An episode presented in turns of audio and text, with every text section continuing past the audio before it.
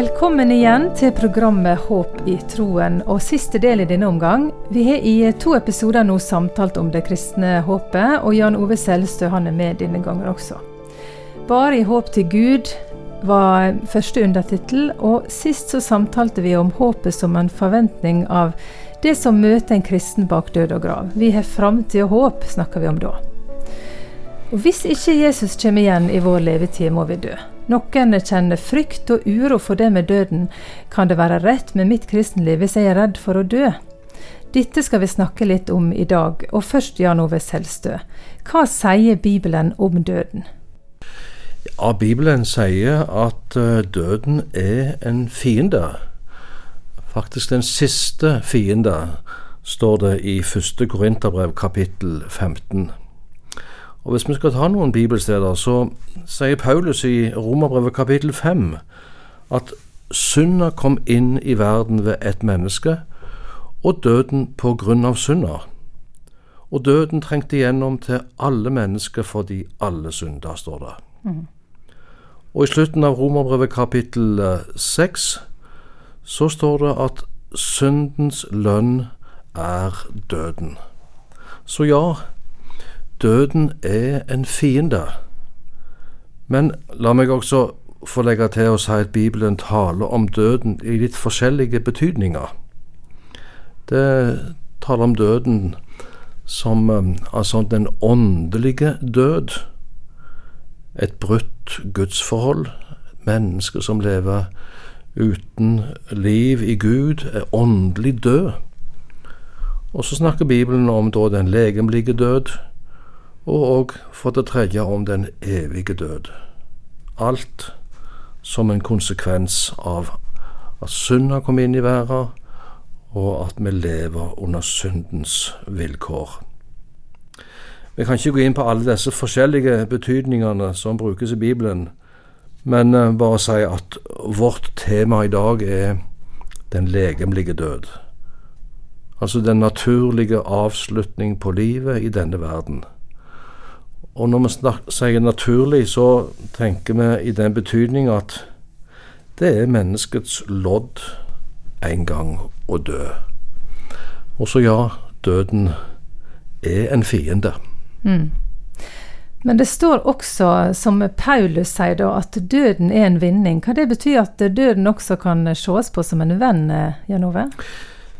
Ja, nå, nå viser du til, til, Paulus sitt ord i Filippabrevet kapittel 1 og vers 21, der han vitner og så sier at for meg er livet Kristus og døden en vinning.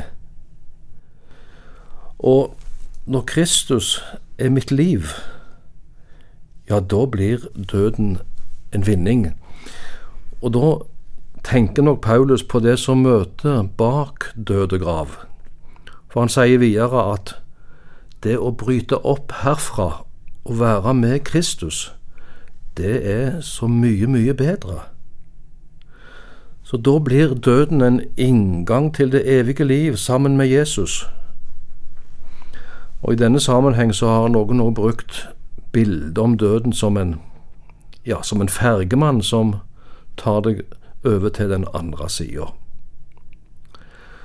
Så må vi prøve på en måte å holde sammen de to tankene, da. At på den ene sida så er døden den siste fiende, vår siste fiende.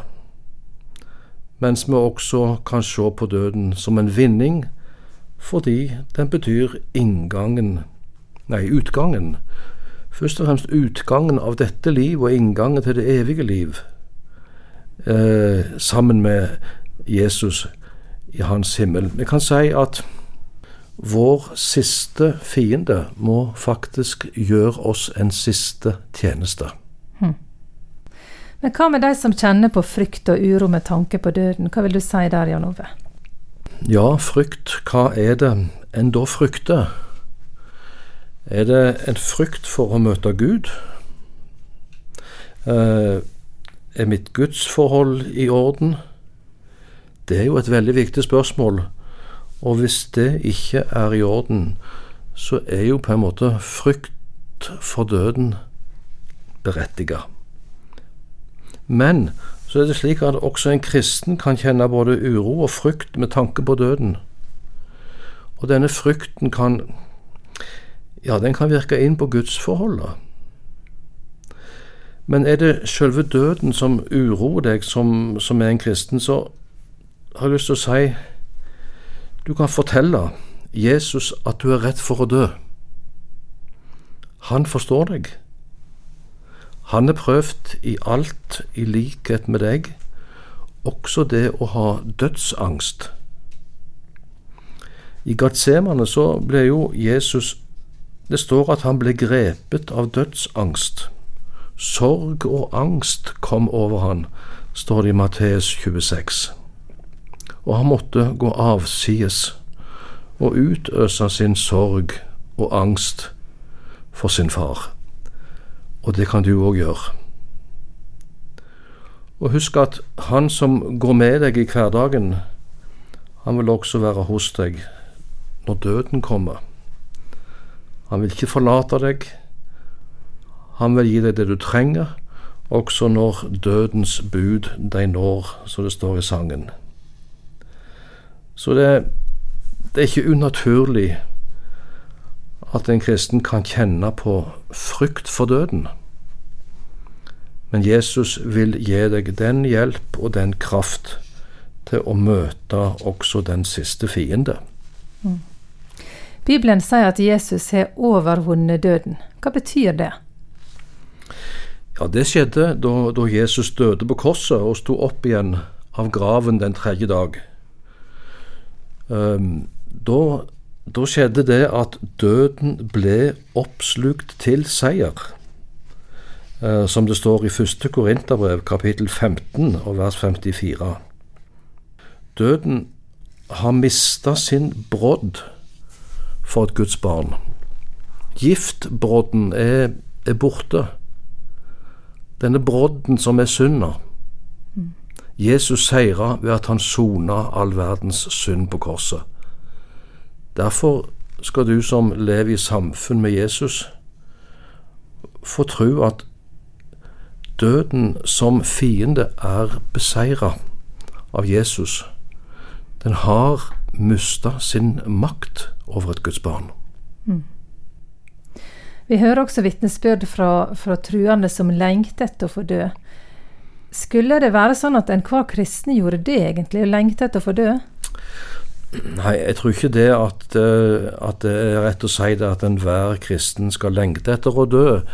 For det er naturlig å være glad i livet. Det er naturlig å ønske å få leve.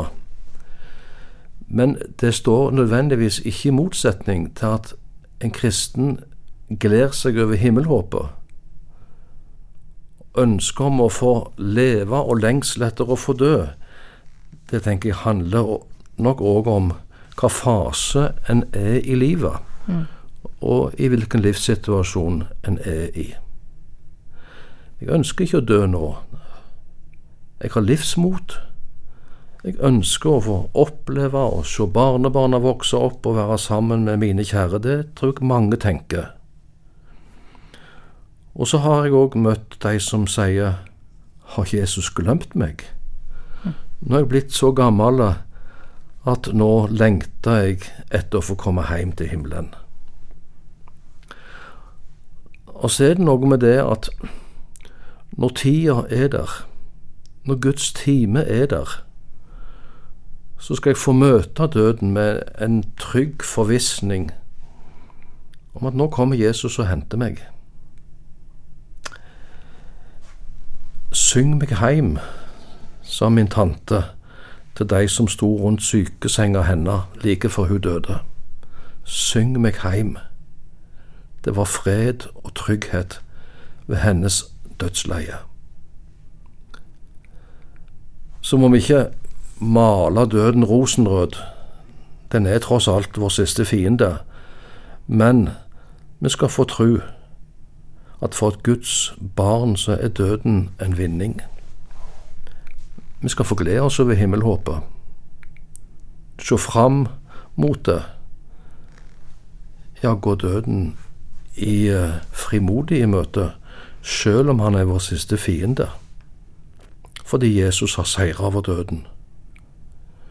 Og når Guds time er der, og Jesus vil hente meg hjem, ja, så blir det å bryte opp herfra og være med Kristus så mye, mye bedre.